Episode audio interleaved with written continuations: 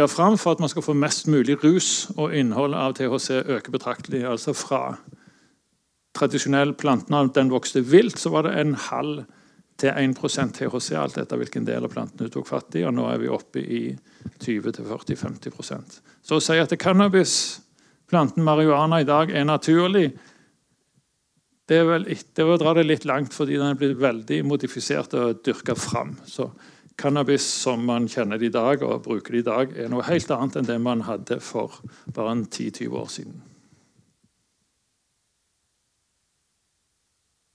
Ja. Som vi har vært inne på, Cannabis dekker over veldig mye. Fra selve cannabisplanten så får man marihuana eller marihuana. Eh, det er forskjellige måter å skrive det på som de bruker i USA. Jeg tror de bruker den H-en for å gjøre det litt mer spansk. Er det mer Mexico sin feil? Du bruker marihuana, tror jeg. Her kaller vi det for hasj. Den enkleste måten kanskje er hasjis. Det kanskje avspeiler at vi får Tidligere i hvert fall så fikk vi mesteparten av hasjisen til Norge fra Marokko. Vi gjør det kanskje fortsatt, jeg er ikke helt sikker, men det er vel der omkring vi får mesteparten inn. Og marihuana det er toppskuddene, som jeg sa før. Det ser omtrent sånt ut. Toppskuddene fra hunnplantene er de som inneholder mest tetrahydrocannabinol. Og hasj det ser ut som en mørk sjokolade, kanskje. I hvert fall på bildet. Og dette er veldig konsentrert. Det er egentlig disse her som er pressa, og så har man fått vekk alt som har med cellulose og sånt å gjøre, så man får mer en ren sevje som er konsentrert her. Så det innholdet av THC i den tilsvarer ganske mye av dette. Så Derfor er det greiest å transportere hasj framfor eh, disse her toppskuddene. Og Disse kan man røyke direkte. Dette kan, er vanskelig å røyke direkte. Vanligvis så tar man og blander dette med tobakk og røykende. Det går òg an å ta det i te og bake det i kaker og alt mulig annen måte å forberede de på.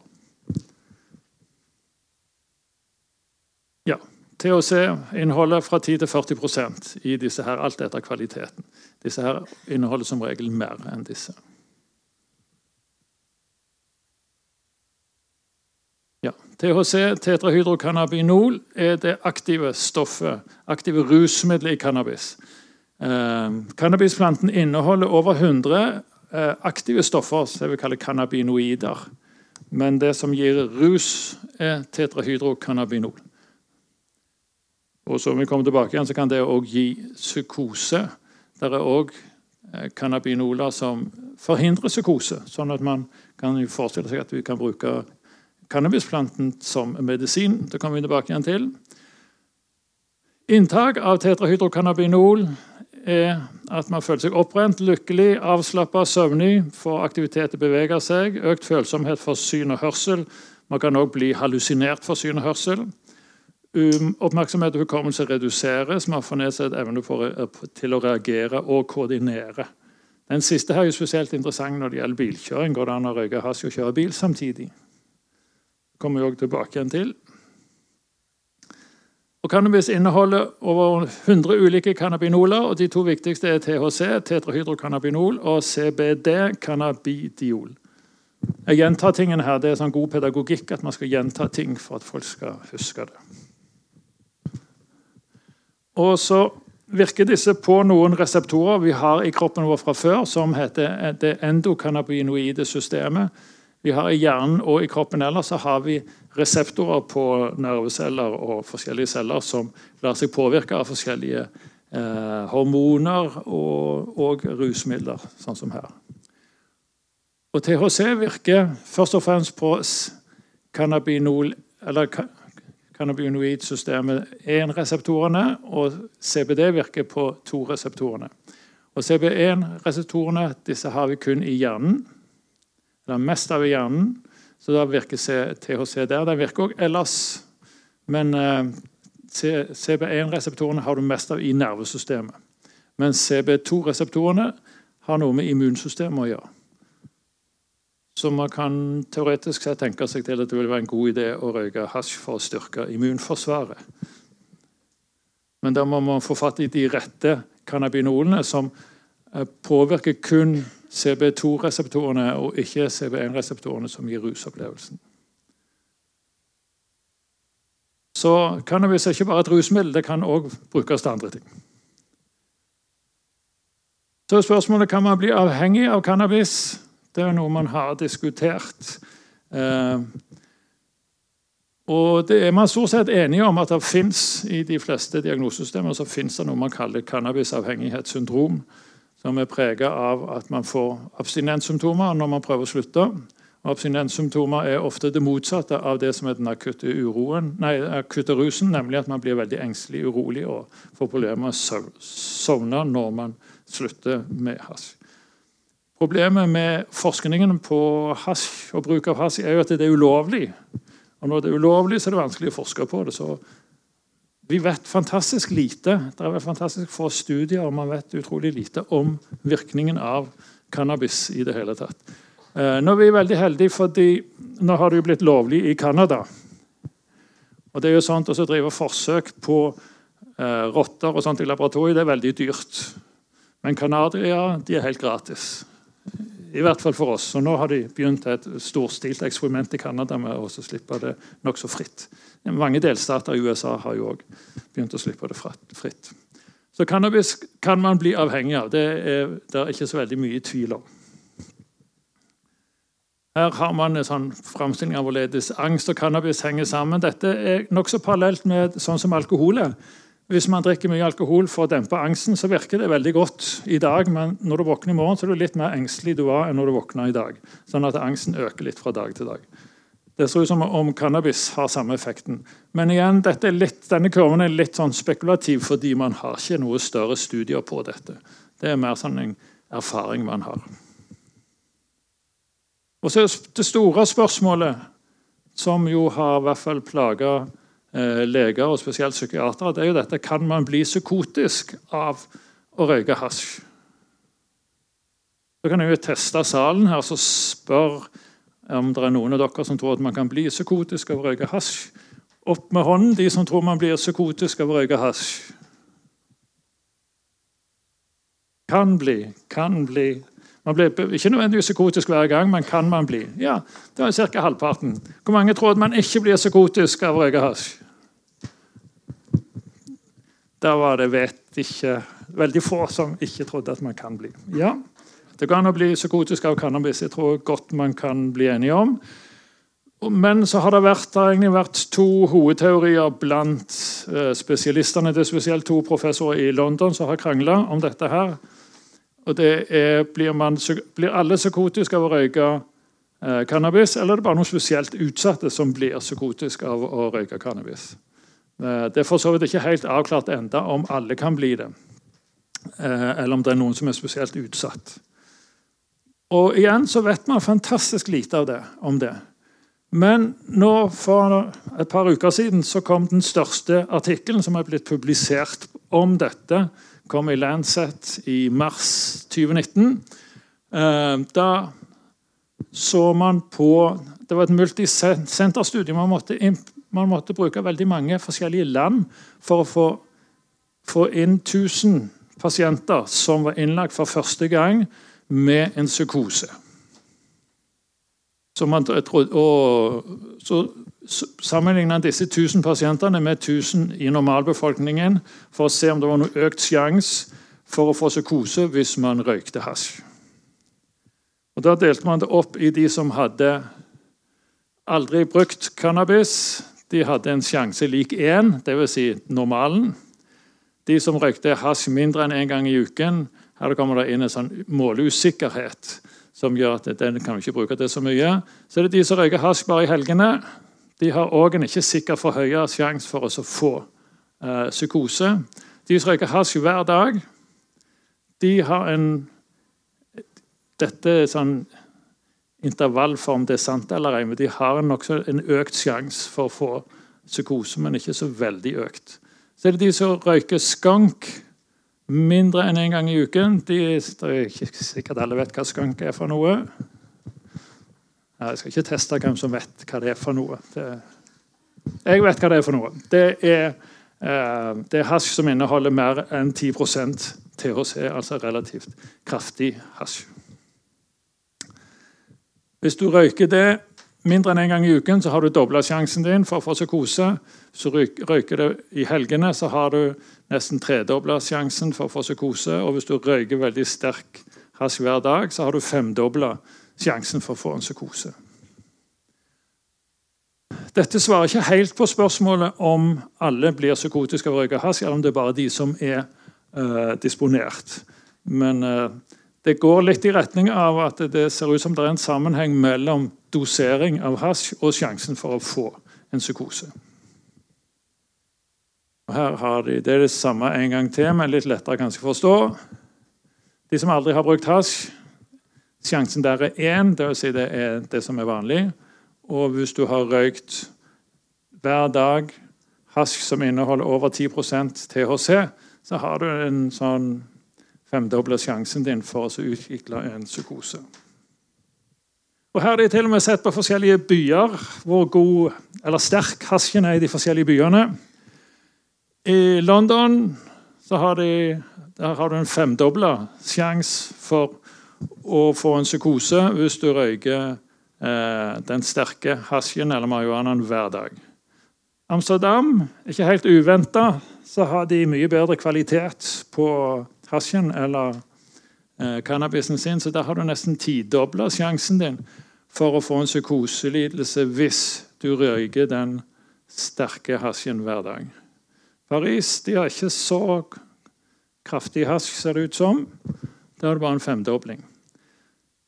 Dette var noen av de største byene som har vært med. De har gått over hele verden. Brasil har vært med, og veldig mange andre byer.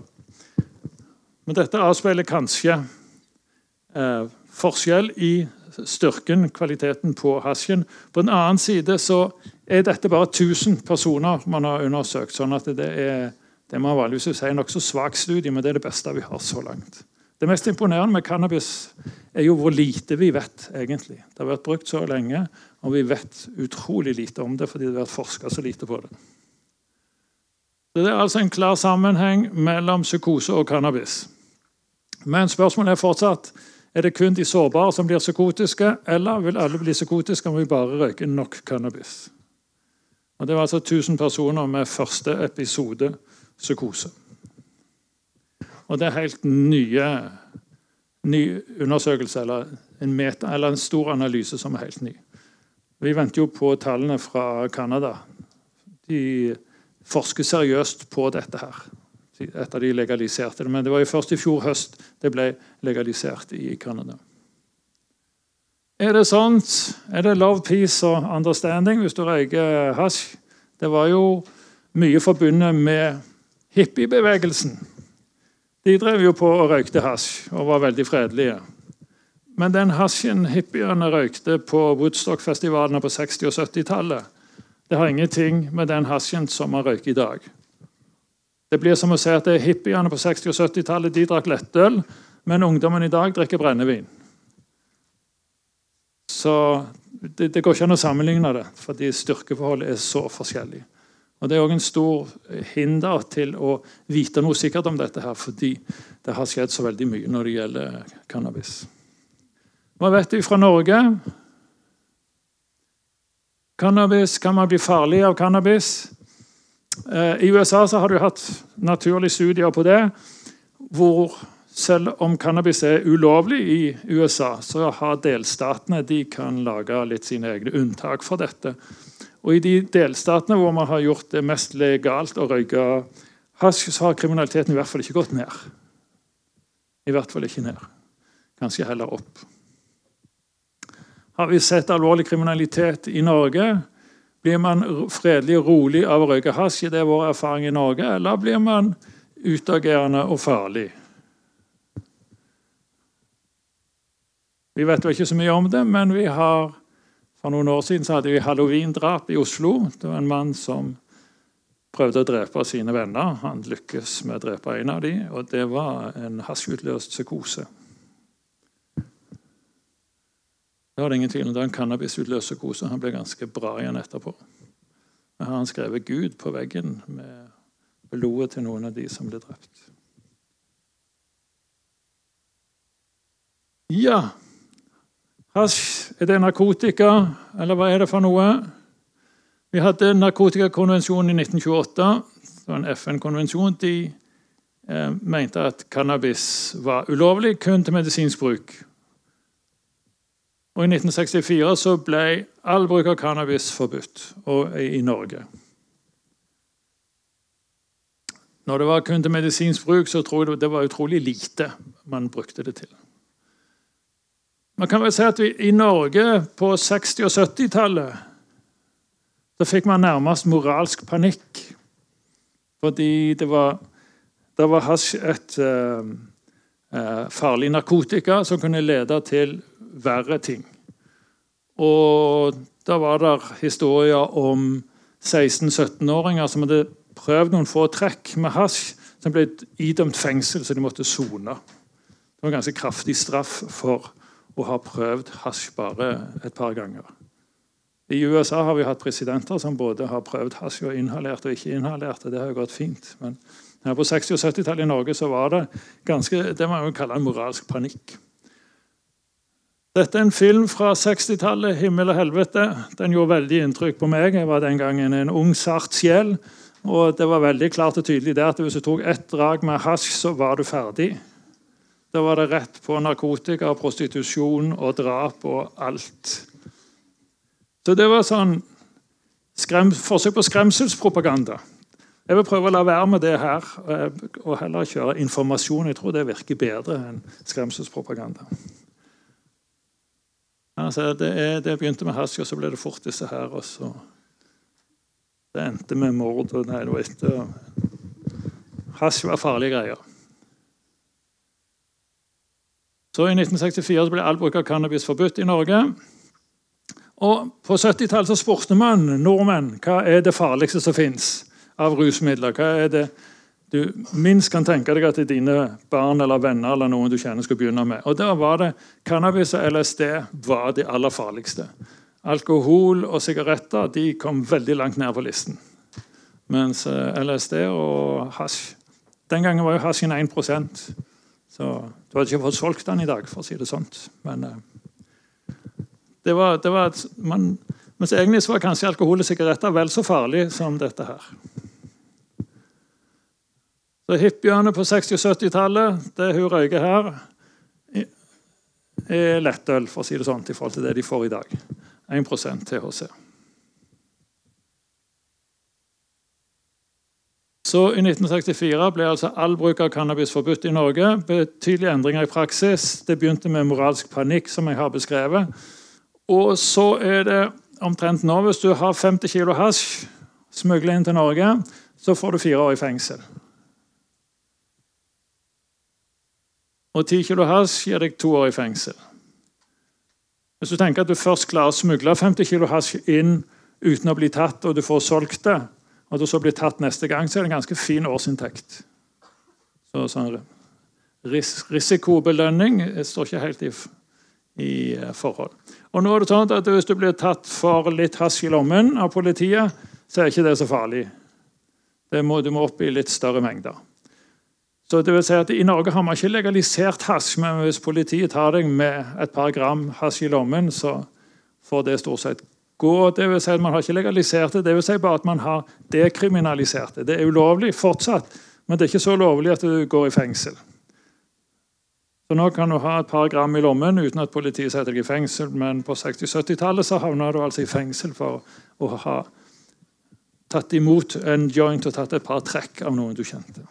Så vi har ikke avkriminalisert det, men dekriminalisert det i Norge. Så på verdensbasis så er besittelse av hasj det går helt fra dødsstraff til at det er lovlig. Jeg bodde en gang i Malaysia. Der blir du hengt hvis du har på deg hasj.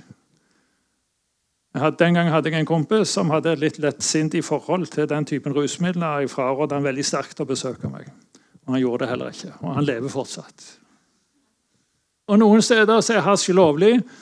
Eh, Uruguay og Canada er de to landene som per i dag Eh, har gjort hasj lovlig. Og når jeg sier lovlig, så blir det omtrent lovlig på samme måte som alkohol og sigaretter. Det er betingelser med. Men det, det er lovlig å bruke hasj, men det er ikke sånn fritt fram. Akkurat som med alkohol og tobakk i Norge så er det visse regler. En viss aldersgrense, bestemte steder du kan få det. og alt sånt. Så selv der hvor det er lovlig og fullt legalisert, så er det ikke fritt fram. Så vi kan snakke om kriminalisere det, nedkriminalisere sånn som vi har gjort i Norge. Eller avkriminalisere det sånn at det, er fortsatt ulovlig, men du får ikke noe straff. Og så kan vi legalisere det og si det er OK å bruke det. Det er litt lett å snuble i disse forskjellige begrepene, men det er betydelig forskjell på dem. Har, her er det ulovlig. Først når du har legalisert det helt, så er det lovlig å ha det, men det er fortsatt visse betingelser knytta til det. Aldersgrense, utsalgssteder og alt sånt. Sånn som I Nederland, når de hadde disse coffeeshopsene, de har det kanskje enda, så var det lovlig å kjøpe hasj der. Men de hadde ikke lov til, og det måtte være en viss alder, og det var visse mengder du kunne kjøpe. Men det var ulovlig å servere alkohol på de samme stedene. Fordi de hadde lite tro på å blande forskjellige rusmidler sammen. Så selv om det var legalisert og du hadde coffeeshop, så var det visse regler knyttet opp til det. Her har vi status for å bruke cannabis, det man kaller rekre til rekreasjon. Altså er det lovlig å bruke cannabis i det hele tatt. De land hvor det er lovlig, er her. Uruguay. Tror det er Uruguay som ligger der nede. er det ikke det? Jo, det. Og så har vi Canada, som er her oppe, og visse amerikanske delstater. Dette er òg en amerikansk delstat som heter Alaska, og så er det Canada her. Og Sør-Afrika er det visst òg lovlig. Her ligger det òg et lite løyeland som jeg ikke fikk med meg. Jeg vet ikke helt hva det er for noe. Noen som vet hva land det er som jeg ikke fikk med? Georgia. Ja, Georgia er det kanskje. Og så har vi hvor eh, bruk av cannabis er ulovlig, men er blitt veldig avkriminalisert. Og Her er det hos oss vi er stort sett avkriminalisert. Og i Spania og Nederland og i disse landene her. Ulovlig, men man bryr seg ikke så mye, det er disse her rosa landene. Og ulovlig, hvor det faktisk blir straffa for det, det er det overraskende nok Danmark, England, Frankrike og veldig mange delstater i USA. Så Dette betyr egentlig at det er kun de blå områdene hvor det er lovlig. Resten er det altså ulovlig i varierende grad. Overledes er det med medisin? Er det lovlig med medisinsk cannabis? Og Det er de grønne. Hvis eh, Cannabis er lovlig hvis du får det av legen din. Og Der er Norge grønt. Visste dere det? At det, cannabis er lovlig hvis du bare får det av legen din.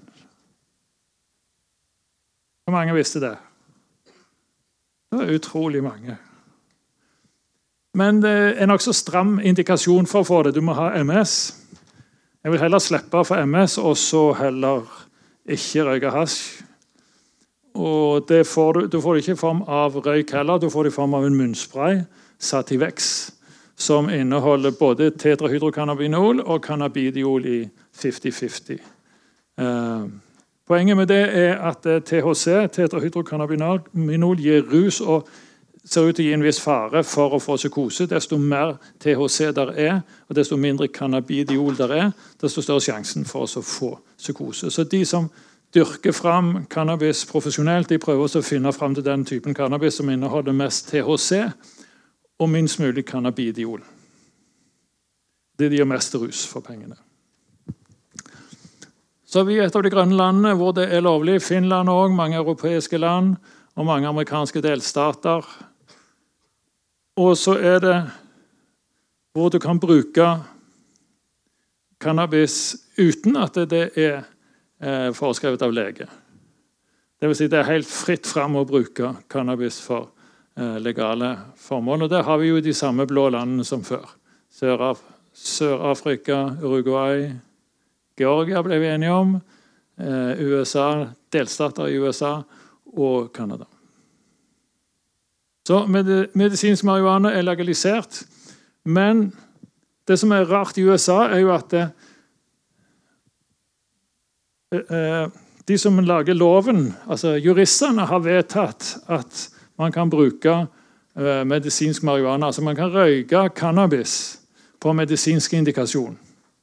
Det har eh, lovgiver vedtatt. Men den amerikanske legeforeningen har sagt at det finnes ingen gode grunner til at folk skal røyke marihuana. Legeforeningen er helt imot. Mens de som lager loven, sier det er greit. Så Det er en merkelig situasjon man har havna i. Eh, men man kan jo innta eh, cannabis i andre former enn å røyke det. Å røyke cannabis regner man med ikke er stort bedre enn å røyke sigaretter.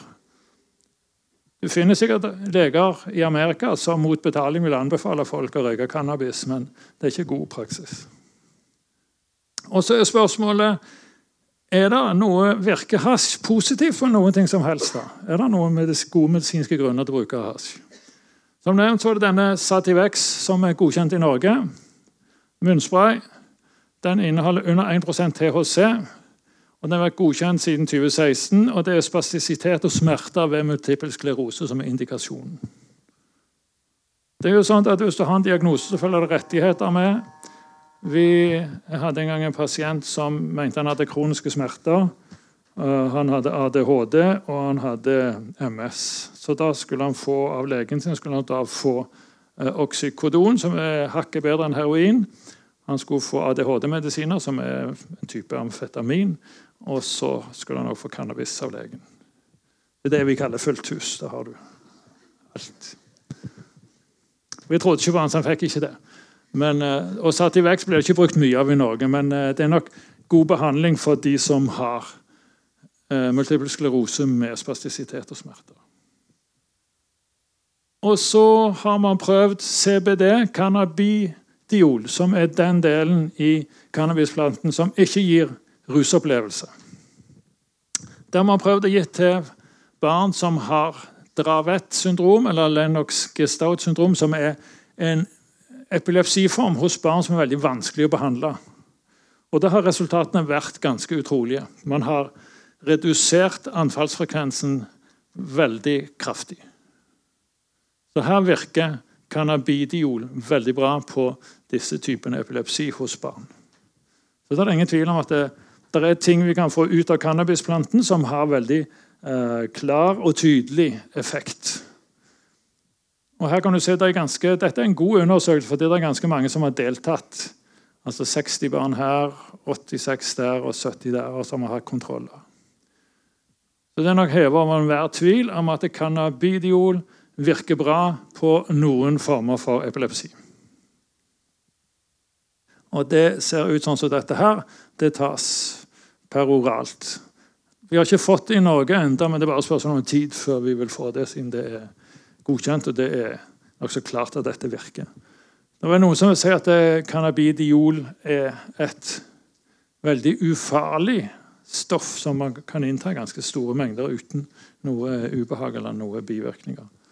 Eh, det, vel, det, sier man vel egentlig kun fordi vi ikke har nok erfaring med det. Alle ting med effekt har òg bivirkninger. Det er jo det, det har, dette har lært oss. Ja, Så medisinsk cannabis Ja da, det virker på multiple sklerose, noen typer epilepsi. Eh, det virker på smerter generelt. Og så lurer vi litt på skal man bruke medisinsk cannabis for å stimulere appetitt og dempe kvalme, sånn som ved kreftbehandling. Eh, ved terminal aids er det ikke så aktuelt lenger, men i hvert fall med eh, terminal kreftbehandling, hvor man blir kvalm og spiser veldig lite, så vet man jo at eh, THC, tetrahydrocannabinol, stimulerer appetitten. Så kanskje det kan være noe. Kanskje kan man bruke CBD, cannabidiol ved psykose, at det har en antipsykotisk virkning. At det hadde vært en god idé. Men igjen så har vi altså altfor lite forskning på dette. her. Det er imponerende hvor lite man vet om dette. Eh, amerikanske helsemyndigheter ga ut en sånn 400 siders rapport om virkningen av cannabis, og det står ufattelig lite i den. Det eneste den fakta de har, er det jeg har lagt fram her. Det er, det er, simpelthen ikke nok forskning. Man har ikke undersøkt det ordentlig. Hvor mange er det som bruker eh, hasj? Dette er amerikanske tall. Halvparten av alle voksne amerikanere har prøvd hasj. I Amerika er det veldig mange som er for eller jeg sier hasj, jeg mener cannabis og da fortrinnsvis marihuana de har prøvd. Her har vi prøver som er tatt av bilister. Og dette Apropos de som er ute og protesterer mot bompengeavgifter her nå. Vi hørte de helt inn her. Dette er norske bilister som er blitt stansa av politiet av en eller annen grunn. og så har de tatt prøver av dem. Og Hva er hovedgrunnen til at folk blir eller, eller hvorfor blir det, Hva er det som påvirker folk som kjører rart? Tetrahydrocannabinol ligger veldig høyt oppe der. Og Så kommer amfetamin på en annen plass. Og her har vi eh, diazepam ligger her. Så tetrahydrocannabinol, altså hasjrøyking, er i hvert fall en hyppig årsak til at folk kjører litt såpass rart at politiet stanser de. Alkohol er ikke med her, men den hadde nok vært høyt oppe her, den òg. Eh, det er jo en diskusjon i Norge som er veldig uavklart. Når det gjelder alkohol, så er det klar grense for tid du kan kjøre bil. Eh, når det gjelder hasj, så er man veldig uenig. Noen politimenn mener at hvis du røyker hasj to ganger i måneden, så kan du ikke kjøre bil. De fleste legene vil nok mene at virkningen av hasj er nok ute i løpet av en uke. Men der vet man simpelthen ikke nok. Men uh, dette tyder jo på at det, i hvert fall påvirker kjøringen på et eller annet nivå. Her har vi et argument som ofte blir brukt av hasj. Her har du dødsraten ved bruk av hasj. Det ser jo veldig fint ut. Skal du av cannabis, så må du få sånn stor palle i hodet fra høy, stor høyde. eller noe sånt. Men det er veldig vanskelig å få en overdose av cannabis, cannabis alene. Men man vet litt mindre om hvorledes det er å kombinere det med andre ting. Og det vi jo ser er jo at Veldig ofte så bruker folk mange av disse rusmidlene samtidig. Eh, jeg ser jo ofte disse, det vi kaller de tunge rus De med veldig alvorlig ruslidelse i eh, byen vår her. Og de, de, Stort sett så bruker de et eller annet opioid. Og så bruker de et eller annet benzopreparat som ikke er med her. Og så røyker de hasj. Kokain er for dyrt for dem. Så at man ikke dør av hasj, det er for så vidt greit. Men det er kanskje med medvirkende årsak på noen av disse andre dødsårsakene. Så det er kanskje ikke helt så uskyldig som det ser ut her. Hvorledes er det så i Norge? Dette er cannabisbruk i aldersgruppen fra 2015-2017. Jeg har tatt med alle sammen. Her er de fra 16 til 24 år. Har de noen gang røykt hasj? 24 de som er 25 34, de har litt mer, og så går det nedover her. Siste tolv måneder og siste fire uker. Så det er, ganske, det er ikke så mange som røyker hasj jevnlig i Norge. Dette er snittet for disse årene. og Det som er interessant, er å se hvorledes går det. Her har vi alle 16-64 år i samme tidsrom. Hvor mange har noen gang røykt hasj av alle disse her? Her var på 19% og så er vi her oppe på 25% Så det ser ut som om Den enkle konklusjonen der er at det ser ut som om bruk av hasj øker i den norske befolkningen. Her er vi oppe på en 25% har noen gang røykt hasj.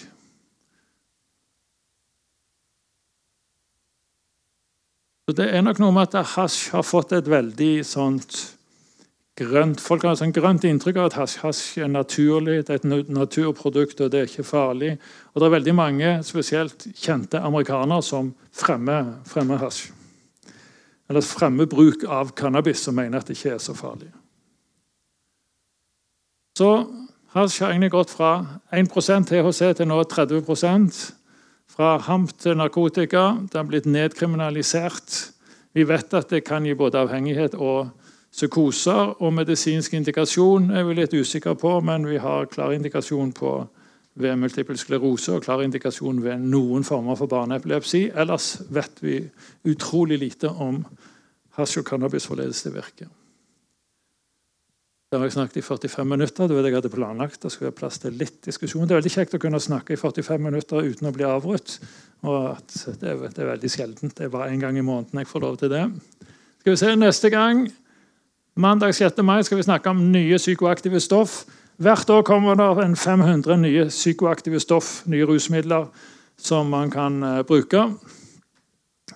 Det er en kar som bor innerst i en norsk fjord. Han bestiller noe greier på nettet. og Så kommer postvesenet og leverer det på døren, og så tar han det, og så blir han klin psykotisk og kommer inn til oss. Hver gang. Så det er fantastisk. Postvesenet frakter det på døren til dem. Og Der kom en 500 nye av de, og vi har ikke peiling på hva det er for noe. Vi tar urinprøver og så ser hva de har for noe av rusmidler i urinen. Men det er bare en fem-seks vi leter etter. De andre 500 aner vi ikke at fins engang. Så der er det mye rart. Ja, Veien videre, Hva skal vi gjøre videre? Skal vi regulere hasj og cannabis sånn som alkohol og tobakk? Skal vi slippe det helt fritt, legalisere det? Eller hva skal vi gjøre? Da lurer jeg på om det er noen som har noe de lurer på, eller noe de vil spørre om. Noe som ikke kom helt klart fram her. Ja.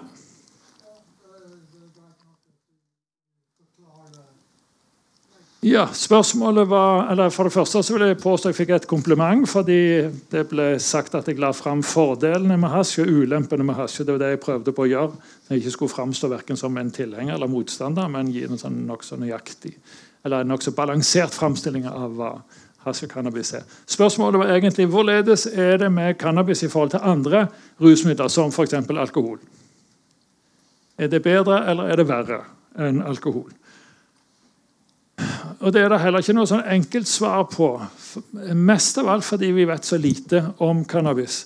Men det er ingenting som tyder på at cannabis er et vesentlig bedre rusmiddel enn eh, alkohol erfaringene er jo òg det at eh, hvis det nå var sånn at et rusmiddel kom og erstatta de andre, så hadde det jo vært en interessant diskusjon. Men det er nesten aldri sånn. Det er at et rusmiddel kommer og legger seg oppå de andre. Sånn det blir bare mer og mer rusmidler. Uh, men jeg vil tro at hasj er omtrent like skadelig som alkohol. Så å drive veldig, som alkohol og tobakk. Det ligger på det nivået, vil jeg tro. Så det har ikke noen sånn veldig store helsegevinster. Og det er nok ikke så veldig sunt og bra, men jeg tror det er det nivået det ligger på. Vi bør ikke drive med skremselspropaganda overfor hasj, men det er ikke, det er ikke noe vidundermiddel, og det er ikke stort bedre enn eh, alkohol eller tobakk. Det er mitt svar. Ja. Ja, Spørsmålet var folk som blir lagt inn med psykose etter at de har kjøpt seg en klump hasj på hjørnet her. Så er det kanskje andre ting i hasjen enn uh, bare hasj, og om vi undersøker det. Uh, og Svaret på det er at uh, man blir neppe psykotisk av å røyke hasj én gang. Man skal nok gjøre det flere ganger. Det er én ting. En annen ting er at vi, ser lite at de tilsetter andre ting til hasj og cannabis. Vi ser at de tilsatte veldig mye veldig farlige ting til heroin. Eksempel. heroin blir ofte blanda opp med noe som heter fentanyl, som blir produsert i store mengder i Kina, som er veldig billig, tar liten plass og lett å smugle, og er 100 ganger sterkere enn heroin. Så der ser vi veldig mye eh, at de blander opp. Men vi ser ikke så mye med det med hasj. Ja. Spørsmålet var med disse første episode psykose, som eh, har en fem til ni ganger økt sjanse for å få en psykose. Har de kun brukt hasj, eller har de brukt andre rusmidler òg? Eh, svaret på det er at eh, disse undersøkelsene her har kun tatt høyde for at de har brukt hasj. Det er kun det de har påvist i prøvene deres. Det kan godt være de har tatt andre syntetiske rusmidler som man ikke kjenner til. Men de har prøvd å holde seg til de som kun har røykt hasj. Ja, Spørsmålet er er det ikke stor forskjell på syntetisk hasj og vanlig hasj. Det er riktig, det er veldig stor forskjell på det. Og det er veldig lite kvalitetskontroll ute og går på disse tingene. Man vet ikke helt hva det er for noe. Så man burde, burde visst mye mer om hva dette er for noe. Men uh, igjen, neste forelesning handler om uh, nye psykoaktive stoffer, og da vil jeg komme tilbake igjen til dette her. Ja. Ja, Her ble det framført veldig mange gode argumenter for å legalisere hasj. Hvis man legaliserer det, så får man eh, bekjempe mye av kriminaliteten rundt det, men man får opp kvaliteten på produktet hvis man regulerer det. Sånn som man jo nå gjør med alkohol, f.eks. Det blir solgt på bestemte steder, sånn at man har kontroll med det. Kanskje man skulle gjort det med alle rusmidler, at man hadde kontroll på det man selger, eller det man har av rusmidler. Det er en god idé, fordi det er jo mange her i Bergen som går ut og kjøper hvitt pulver. Og De aner jo ikke hva som er i det hvite pulveret, og de sprøyter det inn i årene sine. De vet ikke de har forbausende liten peiling på hva det er for noe de får. Vi får jo veldig mange som sier nei, jeg kjøpte amfetamin, speed. sier nei, nei, det er metamfetamin. Vi tar urinprøve, så sier det er metamfetamin. Nei, det er ikke metamfetamin, det er amfetamin. Og så er det mange som får overdoser i perioder, og det er når heroin er blanda opp med fentanyl. Og Det aner de ikke selv, men da blir det veldig mye overdoser rundt omkring. Så ja, Man har jo prøvd i USA å forby alkohol en periode. Det gikk ikke bra. Skal vi se, da var det kanskje her. Nei, eh, da er det dette hasjutløste psykosen. Er det noe som kjennetegner hasjutløste psykoser i forhold til andre psykoser, og hvor hyppig er det? Det vanligste ved hasjutløs psykose og ved mange andre akutte psykoser er at de, eh, det er paranoide psykoser. Du har det for deg at noen er ute etter deg, noen skal ta deg, noen skal drepe deg. Og Da kan man bli ganske farlig fordi man så, gjerne vil forsvare seg selv mot disse innbilte som er ute etter deg. Så Det er ofte akutte paranoide psykoser som ligner veldig på paranoid schizofreni. Og det man ser, er jo ofte eh, nokså langt forløp av dette. Eh, at de får det som ligner på paranoid schizofreni. Dvs. Si at det er ikke bare disse paranoide forestillingene man får, men man hører stemmer og ser ting og får andre merkelige ideer og fungerer veldig dårlig er det som egentlig er disse psykosene. Hvis det nå var sånn at det utløste psykose hos veldig mange, så ville vi nå kanskje sett det på befolkningsundersøkelser. Forekomsten av psykose i befolkningen har den økt. Eh, og det har man ikke noen gode undersøkelser på foreløpig. Vi har før regnet med at sånn, ca. 1% av befolkningen får paranoid schizofreni. Hvis, sånn, hvis, det er sånn at hasj utløser paranoid schizofreni, så burde vi ha sett det på befolkningsundersøkelser, men det har vi ikke gjort enda, i hvert fall. Men kanskje vi, vi komme til å få svar ganske seint. Det er først når dette har på, pågått over litt tid, og mange tusen mennesker har fått eh, rusuløse koser, at vi kan se det på befolkningsstudier. Da passer det fint som siste spørsmål. Takk for oppmerksomheten.